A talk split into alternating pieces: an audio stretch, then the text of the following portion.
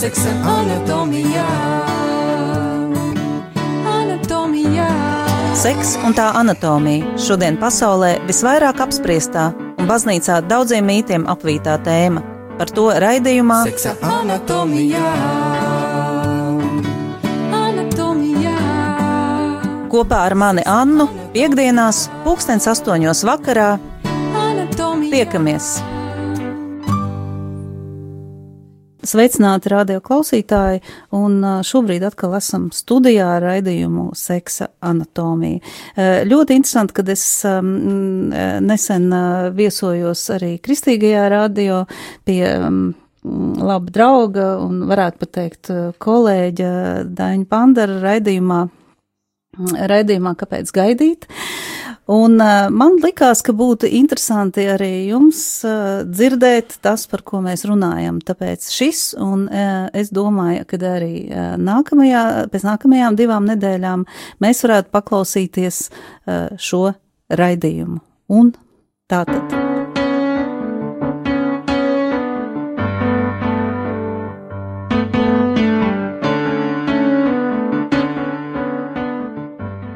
Esiet sveicināti, mīļie radio klausītāji, un studijā esmu es Dainis, bet šodien es neesmu viens.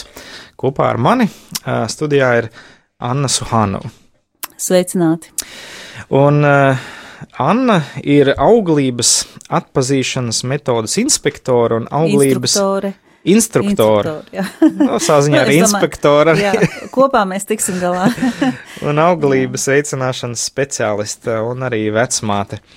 Uh, un šodien es tev aicināju runāt par tēmu, kas iespējams daudziem pāriem ir, nu, nu, varbūt pat ļoti aktuāla, ja pat sāpīga, proti par tēmu neauglība. jā. Um, vai tu varētu vispār pateikt, vai tā ir tomēr aktualitāte, vai tas tomēr tikai tie daži pāri, kuriem, teiksim, bērniņi nav nākuši pasaulē, viņiem liekas, ka tā ir nu, ļoti svarīga tēma, bet varbūt kopumā sabiedrībā tas nemaz nav tik aktuāli. Es domāju, ka sabiedrībā šī tēma viennozīmīgi ir aktuāla ne tikai fizioloģiski iemeslu dēļ, bet nu, arī garīgi, psiholoģiski, emocionālu un sociāli, jā, jo faktiski mēs šeit runājam par, par katras nācijas, jā, nu šī gadījumā mēs varam runāt par latviešu nācijas, latviešu kultūras nākotni, jā, un pēc statistikas bērni dzimst aizvien mazāk, tur ir tur tādi arī koeficienti, kas tiek aprēķināti, vai mēs ejam tomēr uz augšu, vai mēs tomēr tā kā izmirstam, un Latvija uz doto brīdi ir diezgan sliktā situācijā. Mēs tā kā ejam uz to izmiršanas pusi. Eh, Protams, šeit var runāt arī par to, ka ļoti daudz latviešu izbrauc, jā, un, un zemdē bērns, un, un uh, tie paliek tur dzīvot, jā, un tā tad varbūt aug citas nācijas, citas kultūras, jā, bet uh, lat, ar latviešiem ir švaki. Nu, tā problēma ir liela, tā problēma ir liela ne tikai, uh, diemžēl, pie mums šeit Latvijā, tā ir um, Rietuma Eiropas un arī Amerikā tā problēma ir diezgan liela. Uh, šobrīd mazāk par to tiek runāts tādās austrumu kultūrās, jā, kas, kas ir tā, tur dzimstie bērni, jā, varbūt, ka viņiem drusku savādāk arī tā attieksme pret ģimeni visticamāk ir, mm, bet pie mums tas ir nopietni. Nu, šobrīd pēc statistikas katrs ceturtais, katrs piektais pāris, bet tas ir pēc statistikas, jā, griežās pēc palīdzības pie speciālistiem, eh, lai turpinātu mm, savu dzimtu, ja, lai bērniņš ienāktu pasaulē. Eh, Tas nozīmē, ka mēs runājam nu, mm, viens ceturto daļu ja, mm, sabiedrības, eh, kuriem tiek uzlikta diagnoze neauglība. Ja. Te būtu ļoti svarīgi jārunā par terminiem. Jā, jo bieži vien katrs, tas termins neauglība, viņš ir ļoti tāds miglā tīts, un katrs zem tā saprot kaut ko citu. Ja? Neauglība būtībā ir nespēja ieņemt vai arī nespēja iznēsāt bērnu, tā tad nespēja turpināt dzimtu, un termins neauglība medicīniski tiek uzlikts tad, ja pāris gada laikā eh, bez eh, kaut kādas noteiktas, eh, nu, kontracepcijas man nepatīk arī šis teikums, tātad bez aizsardzības ir, viņiem ir šīs seksuālās attiecības, bet grūtniecība nav iestājusies. Tajā pat laikā, nu, neauglība mūs tā, tā ir tāda kāda varbūt eh, cilvēka vai pāra kodēšana, ja, viņiem pasaka, viņš ir neauglīgs, un īstenībā psiholoģiski viņš tāds eh, arī var tapt jau uz to brīdi, ja, tātad sevi tāda neirolingvistiskā programmēšana, es to saucu, ja, jo katrs termins sabiedrībā var nest eh, tādu programmēšanu, tas nav tikai attiecībā uz neauglību, ja. Sievietē tas ir drusciņi vieglāk, jo viņa ir tā aktīvi uzreiz dodās meklēt kaut kāds risinājums, ja. Ja vīrietim pasaka, viņš ir neauglības, kas principā ir ārkārtīgi retos gadījumos, ja, tad viņš tam notic, ja, un mēs visi zinām, ka pēc mūsu ticības mums arī taps dots. Ja. Es vairāk savā praksē runāju laikam tomēr par pazeminātu auglību, ja, jo tas tik ļoti e, neprogrammē, neprogrammē cilvēkus un izskaidrojot dabīgo fizioloģiju, īpaši jau e, tiem pašiem vīriešiem, um, nu, viņi notic tam, ka faktiski tas, kas ir pazemināts, to var uh, paaugstināt. Tad, um, tad tas nozīmē, ka ticība ietekmē mūsu fizioloģiju.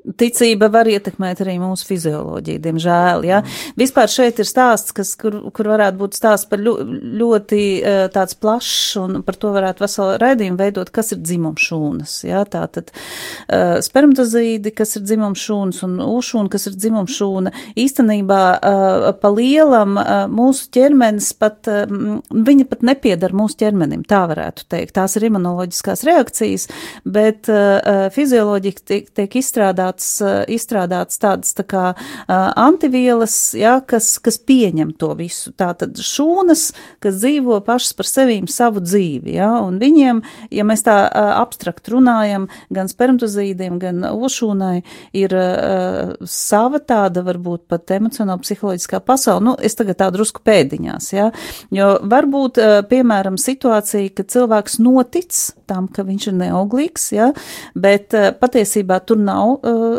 tādas problēmas, ja, un sastopoties eh, divām dzimumšūnām, viņi viens otru atgrūž. Ja, piemēram, ušūna eh, atgrūž šo spermatozītu, kaut gan fizioloģisku iemeslu tam nav, ja, tam ir psiholoģiski, emocionāli iemesli. Ja, tā tad ticība ļoti stipri var uh, ietekmēt to visu. Bet ja viņam, teiksim, ir šī neatkarīgā emocionālā pasaule, vai viņi nav atdalīta no tā lielā cilvēka, kurā viņa atrodas. Viņa nevar emocionāls... būt atdalīta no lielā mm. cilvēka. Tieši tāpat kā mēs nevaram būt atdalīti no tās apkārtējās pasaules, kurā mēs dzīvojam, mm. ja? no saviem vecākiem, kaut gan mēs esam pilnīgi atšķirīgi. Ja? Tāpat arī, kad bērniņš aug mācas miesās, tas ir pilnīgi cits, cits cilvēks. Ja? Viņam ir arī sava emocionāla psiholoģiskā pasaule, bet viņa atkarība no mātes, ja? no, to, no tā, ko viņa pārdzīvo, ir ārkārtīgi liela. Un to, par to mēs arī varam runāt arī par dzimumšūnām. Ja? Un ir tāds arī savās lekcijās bieži vien saku, kad, eh, ja sieviete ir apvainojusies uz vīrieti, ja, tad uh, varbūt arī tā, ka uh, viss notiek tajā laikā, kad ir vajadzīgs, ja, bet, un, un, un viss tur ir, un fizioloģiski viss ir kārtībā, ja, uh, bet Ulšūna arī šo te aizvainojumu ir pieņēmusi, un viņi, viņi nepieņem tā konkrētā cilvēka tātad spermatozīts, kas pie viņas, kas pie viņas atnāk. Ja, arī tādas situācijas mēdz būt. Mm -hmm. un, uh, un tas nozīmē, ka kad uh, šajā gadījumā tā auglība nu, iet kopā arī ar, ar ticību, bet cilvēks tā kā skatās, nu, pieņemsim, viņam nesanāk, nesanāk, nesanāk, tur vienu mēnesi, otru, trešo Viņam tā ticība ir kā zūd. Viņam zūd ticība, jā, diemžēl jā. tā ir. Mm -hmm. Jā, tā ir ļoti liela problēma, eh, tāpēc, ka tāpat kā ļoti daudz citas tēmas, jā, eh, masu mēdījos tiek pasniegts ar tādu drusciņu draudošu eh, pieskaņu, jā, tāpat arī neauglība, vai arī tad, kad mēs runājam par reklāmām, ko veido šīs te reproduktīvās klīnikas, jā, tas viss tiek pasniegts apmēram tā, ka, jo jūs neatnāksiet, tad nekas nenotiks. Ja? Mm, Ļoti daudz jau ietekmē, un ticība, protams, zūd. Ja? Kā tas var būt, jo mūsu galvos, galvās vēl no padomu laikiem eh, patiesībā ir izveidojies tāds priekšstats, ka, ja nebūs kontracepcijas, ja, ja nebūs kaut kādas aizsardzības, tad stāvoklī jāpaliek uzreiz momentāli, jā, tā tad galvenais ir pēdiņās neiekrist, jā, bet kā tad es esmu tagad bez aizsardzības, jā, un, un, un nepalieku tajā stāvoklī.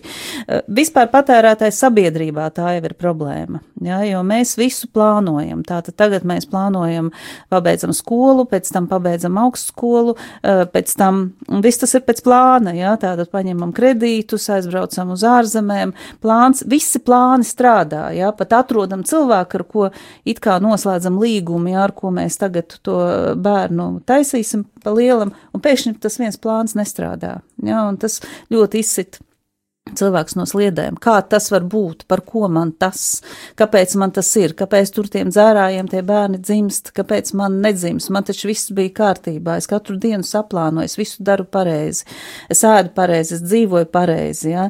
Bieži vien atnāk cilvēks un viņš saka, es esmu tik labs, Ja, un es visiem arī palīdzu, kāpēc ar manīm tā notiek. Ja, tāpēc tā ir ļoti tāda plaša tēma. Nu, teiksim, sākumā nu, tie, tie cilvēki apprecās, un viņiem ir ticība, ka būs bērns, un beigās tomēr nav. Tas nozīmē, ka nav tikai ticības faktors, jo sākumā it kā viņa bija, bet tomēr ir vēl kaut kas, kas ir izraisījis šo, kā tu saki, pazemināto auglību. Kas tad ir citi aspekti, nu, kas ietekmē, kāpēc šī. Nu... Aspekti ir milzīgi daudz. Šeit es vienmēr runāju par kaut kādiem uh, trīs līmeņiem, kurus var izskatīt. Uh, nu, pat īstenībā, ja mēs ņemam arī tādu garīgo līmeni, te četrus, ja, uh, bet ja mēs skatāmies uz fizioloģiju, uh, kas, kas var ietekmēt fizioloģiski, šo te auglību. Ja? Tur vienalga ir trīs līmeņi, kas visi nav fizioloģiski. Tātad pirmais ir ārēji apstākļi. Ja? Mēs runājam par to, ka sieviete, vispār sievietei vislabākais, vislabākais veids, kā palīdz stāvoklī, kā ieņemt šo bērniņu, ir tiešām šī drošības sajūta. Ja? Arī tad došu, un, arī tad došu un jūtās droši. Un organisms arī pasaka, kā, nu, kad, jā, šis ir tas laiks, ja? jo sievietes ķermenis ir uz uz to balstīts, kad, um, kad viņu reiz uzņems atbildību tomēr par diviem, jā, vai pat trīs, vai pat četriem, ja nu gadījumā ar dviņu, trīņu un tā tālāk, jā.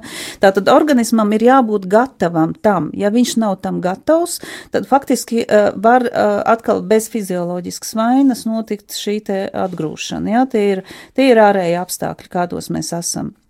Un ja mēs paskatāmies uz mūsu uh, dzīvesveidu mūsdienās, ja, kas, kas tiek veidota uh, ne tikai uh, sievietes ķermenis tiek vērsts uz to, lai kļūtu par māti, ja, bet tur taču ir uh, vispārējais arī, ja, tā tad tur ir jābūt ir augstskolai, tur ir jābūt labam darbam, karjerai, ja, un tā tālāk un tā joprojām. Visu laiku ir stress, ja, un atnākot pie manas uz konsultāciju, bieži vien cilvēks saka, man pat paēst nav laika tad ir jautājums, vai bērnam jums būs laiks. Un mums ir jāsaprot, ka ķermenis tīri hormonālā līmenī to jūt. Ja, to, kam, kam es dodu priekšroku uz doto brīdi. Ja? Tā tad ārēja apstākļi, kas var ietekmēt eh, ļoti eh, arī šo iekšējo stresa līmeni, ja? ko arī reproduktīvā joma jūt. Tas ir pirmais.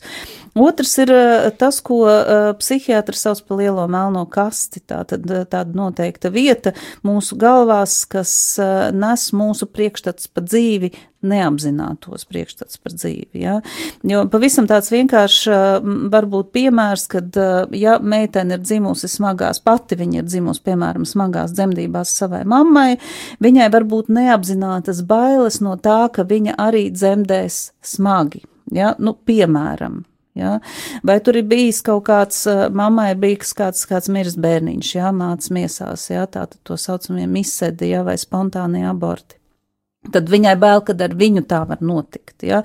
Jo uh, tu nevari iedomāties, ko sievietes jau stāvoklī būdams sadomājas, ir sevišķi pirmajos divos trimestros, kas ir ar viņas bērnu, ka viņš tur būs nepilnīgs, ka viņam tur ir tas un, un ka viņa noteikti dzemdēs priekšlaicīgi. Un, nu, rētos gadījumos tas, protams, tā notiek, ja? bet tur tās visas bailes viņas iznāk uz āru, ja? bet īstenībā viņas visas sēž iekšā. Tā tad mūsu priekšstati. Mm, bailes var būt par to, ka tas vīrietis mani pametīs darījis. Tur ir milzīgi daudz psiholoģisku momentu. Tātad tie iekšējie kurus mēs neapzināmies. Ja? Jo mēs jau veidojam to ārējo, ārēju it kā čaulu, tas viss ir, bet tikko sākās stāsts par bērniem, kas neapzināti mēs saprotam, ka bērns maina mūsu dzīvi pat 360 grādiem, un nekad dzīve vairs nebūs tāda, kāda viņa ir bijusi, ja? un saplānot nevarēs pat nākamo stundu, kur nu vēl nākamos piecus gadus. Uh, to jau neapzināti ķermenis saprot, ja? tā uzreiz tur rodas kaut, kāda, kaut kādas pretrunas uh, starp to, ko es īsti it kā ārēji gribu un ko es psiholoģiski no kā es iekšē baidos. Ja? Tas ir otrs līmenis, par kuru noteikti būtu jārunā. Ja? Un trešais, eh, bez šaubām, ir fizioloģisks problēmas, kur mēs nerunājam tikai par uh, dzemdi, uh, olnīcām, ja? tur spermatozīdiem, spermatozīdu kvalitāti un tā tālāk un tā joprojām. Tur jau pirmām kārtām ir jāsaprot, ka reproduktīvā joma ir eh, endokrīnās sistēmas sastāvdaļa, ja, kas ir ārkārtīgi svarīgi, un endokrīnā sistēma sākas galvā. Ja, Tātad mhm. galvas garos, talāms, hipotalāms, tas viss ietekmē reproduktīvo jomu, hipofīze un tālāk visas tās uh, lietas, kas ietilpst endokrīnajā sistēmā. Vairogdziedzers ārkārtīgi ietekmē virsnieres, ja, uh, līdz ar to arī ārējais stress ietekmē virsnieres un tā tālāk un tā joprojām mehānismi milzīgi daudz.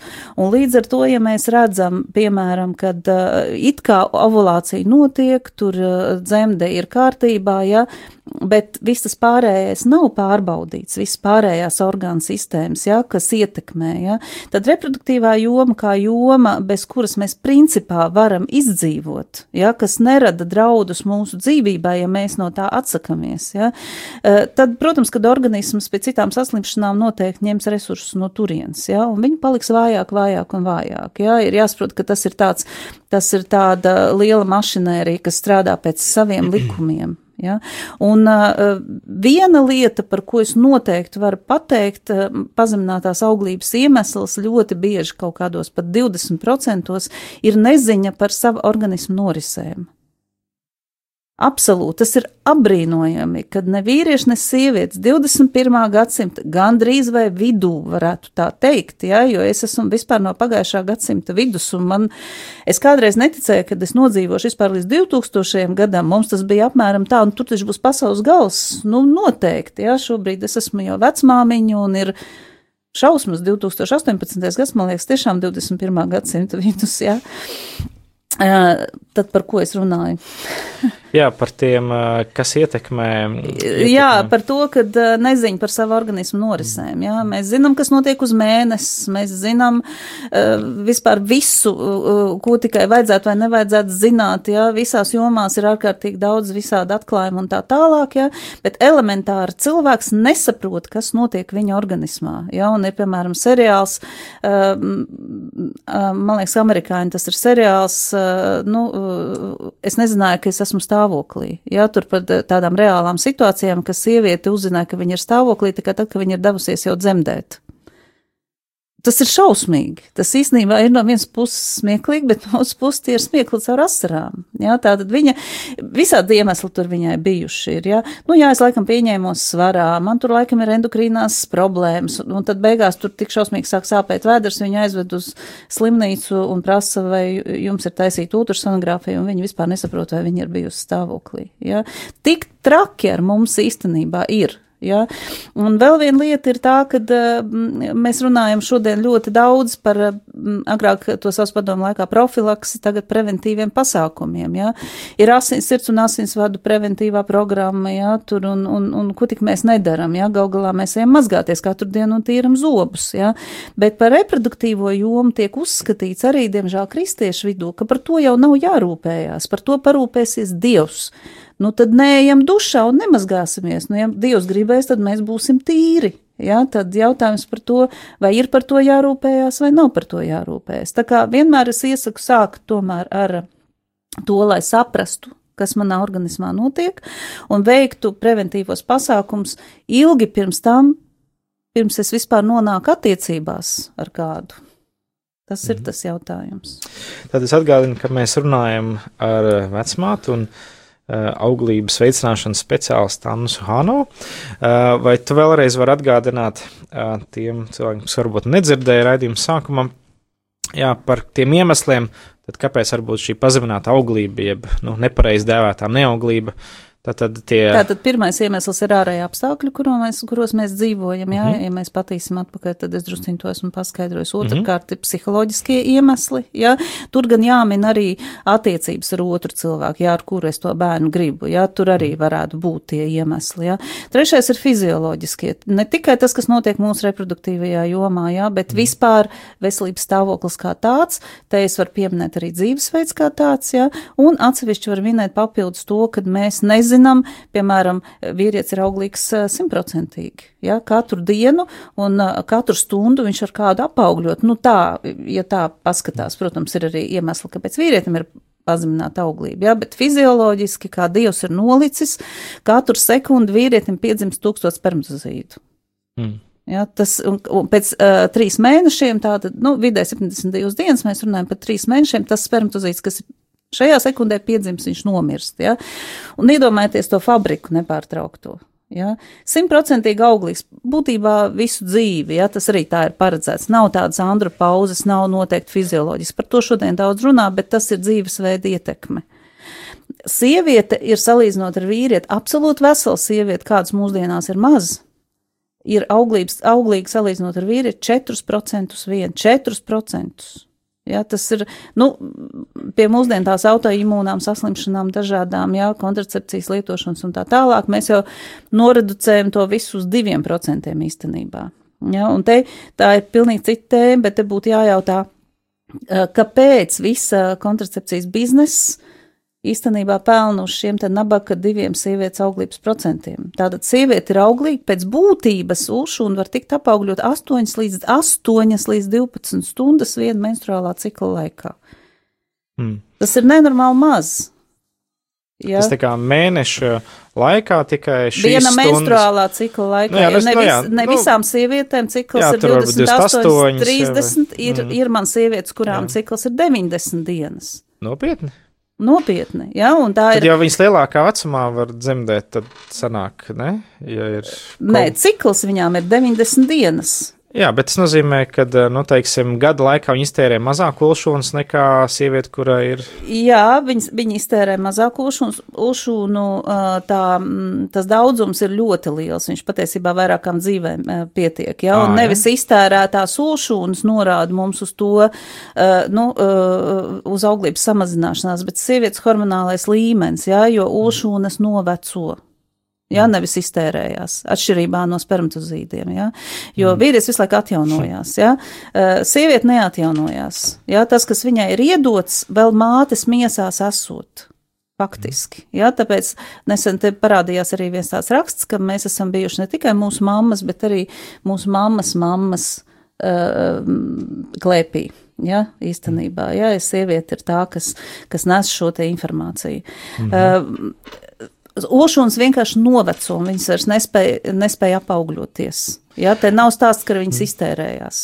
Absolūti. Jā, jo man liekas, ka ir konkrēts skaits, daudzums. Tad... Daudzums ir, bet tas daudzums var pietikt ļoti, ļoti ilgam laikam. Jā? Ja sievietei hormonālais fons un šis novecošanas process nebūtu, tad viņas kā sāra faktiski arī 90 gados, jā, tur, tur nu, uh, nav. Tur, tur tiešām vairākām dzīvēm pietiek. Jā? Tad no vienas puses nu, ja skatoties uz Ādamu un Ievu, un Ieva dzīvoja simtiem gadu, jā. visdrīzāk, tad viņi arī visu to dzīvi varēja jā, dzemdēt. Jā, nu, jā, tieši tā teorētiski. arī. Teorētiski, teorētiski, jā, jā. ja viņa solšūns, jā, jo sievietē nevelti tomēr reproduktīvā funkcija beidzās ap tiem 45, 50 gadiem, nu, kā kuram, jā. Vīrietim fizioloģiski viņa nav paredzēta tam, lai viņa beigtos, jā. Vīrietis arī 90 gados pie normāla dzīvesveida var būt auglīgs, jā, un ražot to spermatozītu rītus, tātad mm. katru dienu. Mm. Varbūt nedaudz tēma no ārpus, bet uh, man liekas, varētu būt svarīgs jautājums. Uh, kas tad notiek, kad uh, nu, viņas noveco, ja tas saucamais klimaks sindroms. Jā, jā. Kas ir notiek ar sievieti? Tur, tur notiek vairākas lietas. Pirmam kārtam netiek ražoti tie hormoni, kas izveido šo ovulāciju. Ja? Otrakārt, ulšūnas viņas, viņas nu, līdz ar to arī uh, vienkārši nomirst. Ja, tātad viņas nav vairs uh, rīcības spējīgas, tā varētu teikt. Ja, viņas mm. nav tādas, kas ir spējīgas apaugļot. Tātad tās ir vienkārši tādas, nu, mirušas šūnas, tā varētu teikt. Jo ir kādi vīrieši, kas saka, nu, man sieviete, sieva kopš tā brīža izmainījās.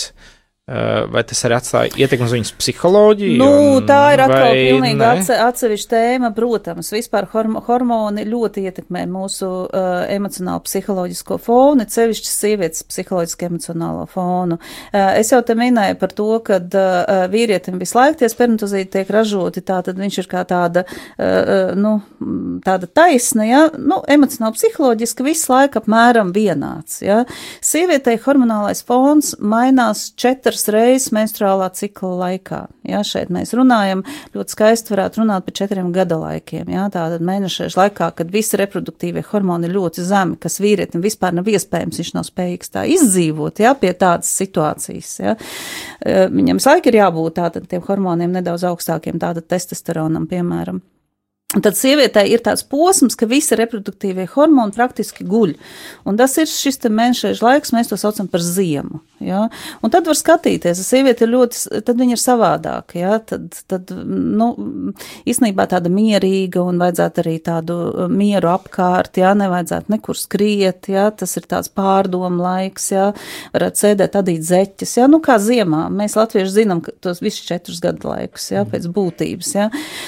Pēc tam nāk pavasars pavasars, un tas ir tas estrogēna laiks, kad ļoti sāk um, organismā vairoties šis estrogēns. Jā, tā ir gatavošanās ieņemšanas procesam. Katrā menstruālā ciklā, jā, sieviete ir gatava šim ieņemšanas procesam, jā.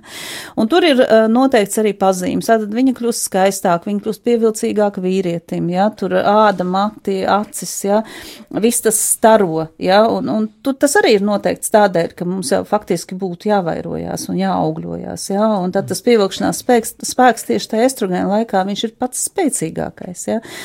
Un tad nāk vasara, un vasara ir tās 8, 8 12 stundas. Ja? Ir, ir tāds teiciens, ka sieviete šajā posmā vispār nevar pateikt nē.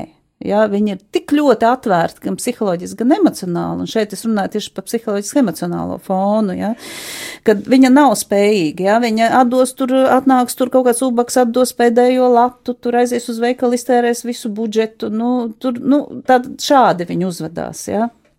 Un pēc tam Bet nāk, tas ir, diemžēl, tikai 8 stundas. 8, 12 stundas. Jā, nu, arī estrogēna periodā, pavasara periodā, kas nav ļoti garš, jā, līdz tai ovulācijai, arī tad viņi ir ļoti atvērti. Jā, tas ir laiks, kad uzsākt jaunus projektus. Uh, ir arī tādi pētījumi garīgi, kad arī tieši uh, lūkšanas spēks ir daudz, uh, nu, spēcīgāks tieši šajā estrogēna periodā. Jā, tā viņi ir atvērtāk arī dievam, jā, atvērtāk vīram, atvērtāk sabiedrībai ja, atvērtāk dažādiem darbiem. Ja. Viss tas ir vajadzīgs. Ja? Un pēc tam, jā, nu, tas, tas, tas vasaras uh, periods ir ļoti īss, ja? un pēc tam nāk rudens. Ja? Un rudens ir tas garākais. Viņš faktiski ir līdz divām nedēļām, ja? nu, nemainīgi. Līdz divām nedēļām, 16, nu, 10, 16 dienas, tā kā mēs skatāmies. Ja? Un rudens ir ļoti dažāds. Ir atvasara, ja? rudenī, ko mēs darām? Ir taču droši vien, kad uh, tu esi ievērojis savā sievā, kad uh, šodien viņa skraida apkārt un pienāk kaut kāds viens brīdis, ka viņa pēkšņi saprot, ka māja ir nekārtībā. Vakar viņa to neredzēja, ja? un pēkšņi šodien viņa to redz. Jā, tas nozīmē, ka viņa rudens ir iestājies. Jā, tā, nu, faktiski, jo katrā rudenī organisms ir gatavs tam, ka tā uh, ieņemšana varbūt ir notikusi. Ir sevišķi sievietēm, kurām ir šīs seksuālās attiecības. Ja, tātad organisms jau ir gatavs, tas mātišais hormons progesterons pamostās. Ja.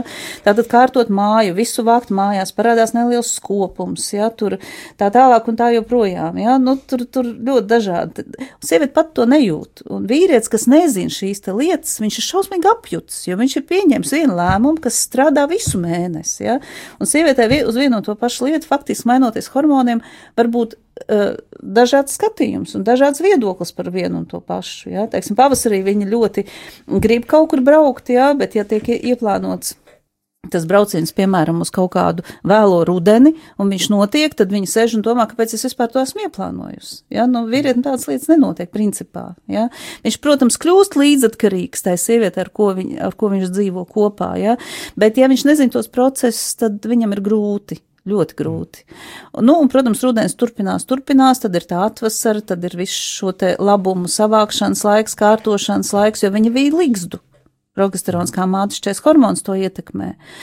Un tad, kad nāk jau uh, novembris, ja, mēs zinām, šobrīd novembris ir ārā un, un, un viņš tāds, kāds viņš ir, ja, kad uh, viss lapas ir nokritušas, bet sniegs vēl nav uzsnits un visi nervu gali vaļā. Un jebkas, jebkas, kas vakar šķita pat pozitīvs, jā, var ietekmēt mani kā sievieti negatīvi, un, un, un, un man liekas, ka viss ir slikti. Jā, tas ir tas novembris. Ārkārtīga vēlme pēc sapratnes, ārkārtīga vēlme pēc mīlestības, ārkārtīga vēlme pēc pieņemšanas. Ja, un no tā nevajag baidīties. Nevajag risināt uzreiz problēmu, jo sieviete var radīt šajā brīdī milzīgi daudz problēmas. Jā, viņa pateiks, ka tas, tas un tas, un ko vīrietis dara, viņš skrien un risina. Normāli tas ir vīriešu fizioloģijai. Bet uh, sievietei būtībā ne jau to vajag. Viņai vajag pateikt, jā, es tevi saprotu, jā, viss būs rītā labi, un tā tas patiešām arī notiek. Ja. Uh, tur ir arī tā, ka uz pašās pēdējās dienās, kad atkal viss hormonu novembris, ja, kad viss hormonu krīt, uh, tad ļoti daudzām sievietēm uzkāpja uh, tieši tas testosterona līmenis, ja, tad vīrišķais hormons, un tad ir ārkārtīgi vēlme, piemēram, pēc seksuālām attiecībām, tie ir fizioloģiski, ja, tas tā arī šī vēlme pēc pieņemšanas ir. Un sākās zima, un viss cikls atkal sākas no jauna, ja, un, un, un tā psiholoģiski, emocionāli tā reproduktīvā joma sievieti ietekmē. Restīvi, ja viņai tas pavasara periods, un viņa grib jaunu kleitu no vīra, tad, ja vīrs pagaidīs kādus desmit dienas, Baigi nepareizi. Ja, ja sieviete kaut ko grib pavasarī, tad labāk viņai daļēji ir iedot. Tāpēc, ka to, ko vīrietis iegūts sievietē pavasarī, to viņš saņem atpakaļ rudenī. Ja viņš neiedos viņai to kleitu, rudenī viņš pateiks, es tev putru nevārīšu. Nu, tas, protams, tā jā, ir. Bet, ja viņš viņu palutinās tajā pavasarī, pavasaris posms ir daudz īsāks, tad rudenī viņa parūpēsies par viņu. Ja, tātad viņa, viņā, viņā pamostās tas mātišķais uh, instinkts, ārkārtīgi liels rūpes par visiem, ja, it īpaši par tuvākajiem, ja, un uh, nebūs aizvainojumu. Jā, tā tad iekšējā neapzinātā. tad, tad uh, ja pirkt, tad labāk pirkt pavasarī, jo Jā. rudenī būs labums, bet Nu. ziemā labāk ne, jo tāpat nenovērtēs. Rudenī arī nenovērtēs, jo nopirks kleitu rudenī, to, ko viņi gribēja pavasarī, nopirks, atnesīs mājās, un viņi teiks, kāpēc tu tik dārgi kleitu nopirki? Ja, man nemaz to tagad nevajag. Tu iztērē naudu, ko mēs varējām tur pieņemsim, tur kartupeļiem ja, izlietot, ja, nu kaut kam praktiskam. Ja. Tā kā pirkt, tad labāk tanī pavasarī, ja, un, un, un nevis rudenī, jo uh, smieklīgi, bet kādreiz mums stāstīja arī tādu gadījumu, uh, tad, kad es vēl šito visu mācījos. Uh, kad ir, ir bijuši gadījumi, kad uh, atnāk vīrs mājās un ir tas īsais periods, 8-12 stundas, viņš jau iet uz beigām, un sievietei vajag romantiku, tad ļoti liela patiesībā, jā, un viņi saka, tu aizēj pēc šampānieša, es uztaisīšu kaut ko garšīgu, tur pēc puķēm, un vīrs, protams, laimīgs, viņš saprot, ka nu tik tagad būs, un viņš skrien, un viņš tur izskrien visus veikals, un kamēr viņš skraida, ir beidzies tas periods, un ir sācies tas rudens. Viņš atnāk mājās, viņš dabūna pa galvu. Kāpēc tu nopirki tik dārgu šarpānieti, kur tu tik ilgi vazājies, ja? tā tālāk un tā joprojām. Ja? Un cik es esmu pāriem stāstījusi to, uh, vīrs smējās un viņi saka, jā, nu vismaz vienreiz dzīvē tas taču tā ir bijis. Ja? Tā kā īstenībā, uh, um, ja sieviete saprot, ar viņu ir daudz vieglāk viņu mīlēt, tā varētu teikt. Ja? Jo uz to visu var skatīties kā rūpējoties par viņu, ja? izprotot viņu. Ja? Jo tāpēc jau vīrietis sievietē blakus ir vajadzīgs, jo eh, sievietē jau tas viedoklis var mainīties ļoti ātri. Bet tad jautājums, uh, nu, ja vīrietis, es tā pieņemu, vienmēr ir tajā, nu, viņam ir pavasars vienmēr galvā.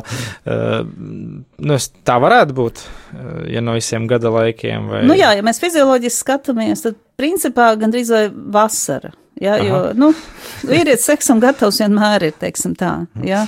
Bet kas tad notiek, ja sieviete pēc klimaks, kurā gar, gad, gada laikā tad viņi ir? Vai tas Jā, mēs runājam. Klimaks vispār uh, sievieti drusciņi ietekmē savādāk. Jā, varētu domāt, nu tā kā ziema ir pienākusi, bet īstenībā šeit mēs runājam par zelta rudeni.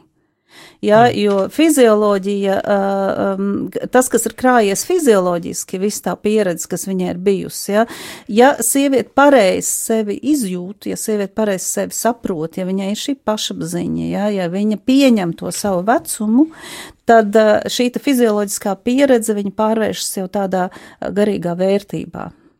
Un tad viņa jau īstenībā jau sāk kontrolēt šīs savas emocionāli-psiholoģiskās puses.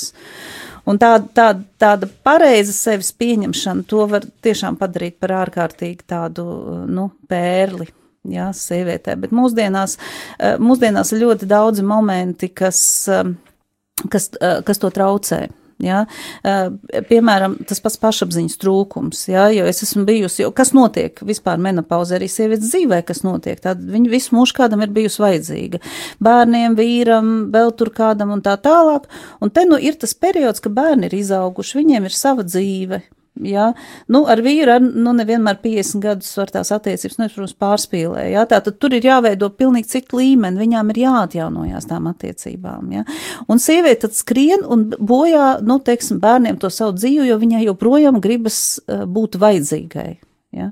Bet viņi to var pārvērst citā kvalitātē. Un tāpēc mēs šeit runājam nevis par ziemu, mēs šeit runājam tiešām par zelta rudeni, kas nekad nebeidzās. Hmm. Tad vecumā vīrietis ir vasara un sieviete ir zelta rudens. Nu, jā, nu, protams, kad arī vīrietim drusciņa nu, dzīves, no dzīvesveida ir atkarīgs. Pro, tas, ko es tagad saku, jā, ir hormonālais fons. Tur, mm -hmm. protams, mēs varam likt virsū arī uh, dzīves uzskatu audzināšanu, jā, uh, kultūra vidi, kurā mēs dzīvojam, jā. Tas viss, tas ir tikai viens tāds aspektiņš, jā, ko saliekot ar kaut ko citu kopā, tur veidojās savs puzles katram individuāls, jā, bet tie hormoni, nu, ja paskatās, tas sieviete, viņš, viņa tā ietekmē ietekmē. Bet eh, te ir tā problēma, kāpēc uh, vīrieši ļoti bieži ir tā vīriešu pusmūža krīze.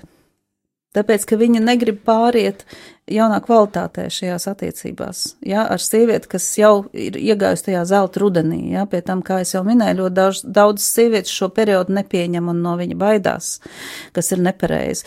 Un tāpēc ļoti daudz situācijas ir tādas, ko dara vīrieši pusmūža krīzē, aiziet pie jaunām sievietēm. Jo viņiem liekas, ka eh, tas pazīstamais. Bet tas saistīts tikai ar šo sievietes izmaiņām, vai arī vīriešu fizioloģiskā stāvoklī kaut kas notiek, kad viņam ir. Eh, visbiežāk situācija nosaka tomēr sieviete. Ja, visbiežāk. Ja, jo vīrietis jau neaiziet pie jaunas sievietes, tādēļ, pie jaunas sievietes. Ja, bet tādēļ, ka viņš grib uh, būt uh, vērtība tajā visā. Ja, attiecībās vīrietis grib būt vērtība attiecībās. Un jauna meitene uz tādu normālu vecāku vīrieti ap 40 skatās uz at ar atvērtu muti. Mm. Tad tas jau ir tas, ko viņš sagaida. Ja? Un tāpēc es saku, sieviete, kas sevi nepieņem tajā periodā, ja? viņa sāk čīkstēt, viņa sāk skraidīt apkārt, viņa sāk pārmest vīram, tāda būtībā viņa kļūst neciešama. Bet izveidojot citu kvalitāti tajās attiecībās, tas vīrietis nekur neaizies. Viņš, neaiz, viņš nav neiet pie jaunas miesas. Viņš iet pie tā, kas viņu novērtē. Tas arī tā, tāds. Tad uz ko tad viņiem būtu jākoncentrējās tajā posmā, jaunajā? Es domāju, ka eh, te nav stāsts par jaunu posmu koncentrēšanās, jo ļoti bieži par menopauzi runā kā par spoguļu attēlu pusauģu periodam. Jā, tikai pusauģu periodā viss veidojās, Tātad tā reproduktīvā sistēma mostās un ir ļoti līdzīgas sajūtas, bet mēs tomēr esam tādā brīdī vēl jaunas, ja, un mēs gaidām to dzīvi ar plaši atvērtām acīm. Bet um, menopauzē notiek tā kā spoguļa attēlā tas pats process. Un es domāju, ka koncentrēties principā ir jāsāk jau pusauģu posmā.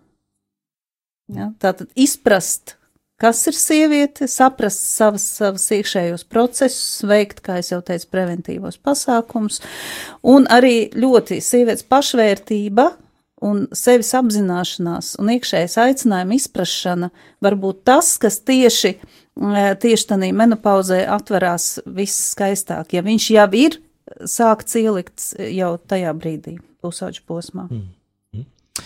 Tu vēl minēji arī tādu frāzi par to, ka um, balstot, zinot šo mm, fizioloģiju, daudz nopelna šī nu, Kontracepcija. kontracepcijas. Es domāju, ka ne jau zinot šo fizioloģiju, viņi vienkārši nopelna uz to. Jā, tas ir viens no pelnākajiem biznesiem, kontraceptīvais bizness. Mhm. Pēc būtības. Te ir, te ir arī psiholoģiski tāda lieta, ja, kad, ja vīrietim dod kontracepciju, tad vienīgā kontracepcija, kas strādā uz vīrieti, ir tātad vazektomija. Ja, tas nozīmē, ka faktiski šo te kanālu uh, nu, aizsiešana ciet, jā, vai nogriešana. Jo dodot jebkuras hormonālās, piemēram, tabletes, vīrietis būs kā dārzens. Ja? Viņš nevar izturēt to hormonu kritumu, ko var izturēt sieviete. Ja? Jo lietojot hormonālo kontracepciju, sieviete visu laiku ir ziema, bet viņa dzīvo. Viņa ir attiecībās, viņas ne tikai vada uzņēmumus, bet pat valsti uz šī fona. Ja? Nu, vīrietis to nekad nevarētu izdarīt. Tāpēc, protams, ka ērtāk ir uzvelt visu atbildību par to sievietei, ja, jo sievietes teritorijā notiek ieņemšana, sievietes teritorijā tiek iznāsāts bērns, un teorētiski uh, mums tiek uh, potēts šis uzskats, ka par to ir atbildīga sieviete. Ja. Manā uztverē kontracepcija vairo, uh, pa, pazemo sievietes un vairo vīriešu bezatbildību. Ja, jo auglīgs jau ir vīrietis, simtprocentīgi. Tas, ka sieviete dzer kontracepciju, viņš neauglīgāks nepaliek. Ja, tātad es varu darīt visu, palikt šis te auglīgs, ja, un par visu ir atbildīga sieviete. Ja. Viņš arī citās jomās kļūst bezatbildīgs pēc būtības. Ja, tā kā man jau liekas, ka uh, kontracepcijas uh, problēma arī nav tikai tā, ka viņa rada fizioloģiskas sekas. Uh, bet uh, sociāls sekas ir ļoti nopietnas tam. Mm. Kā, piemēram, īsumā, ja tu vari minēt? Par sociālām sakām, nu, es jau tikko minēju, tā ir vīriešu bezatbildība. Tā ir jā. viena no galvenajām mm. sociālajām sakām mūsdienās. Ja? Mm. Un tad sieviete saka, tas vīrietis jau grib tikai seksu, viņš negrib atbildību, viņš negrib bērnus, ja? un tā tālāk un tā joprojām. Bet, lai būtu ar viņu kopā šādā situācijā, es lietošu kontracepciju, jo savādāk es viņu pazaudēšu. Tā, tas ir tā, tā ir tā domāšana, ja, kas, manuprāt, ir vispār patoloģiska. Un tad ir jautājums par to, kas tad ir šīs sievietes, kuras it kā pēdiņās dzemdē priekš sevis. Ja. Audzina bērnus viens pašs, viņas audzina vīriešus viens pašs. Ja, tā ir, tā ir šausmīgi vispār sociāla seka. Seksa anatomijā. Anatomijā. Seks un tā anatomija šodien pasaulē visvairāk apspriestā un baznīcā daudziem mītiem apvītā tēma. Par to raidījumā Seksa anatomijā. Kopā ar mani Annu piekdienās, pulkstens astoņos vakarā. Tiekamies!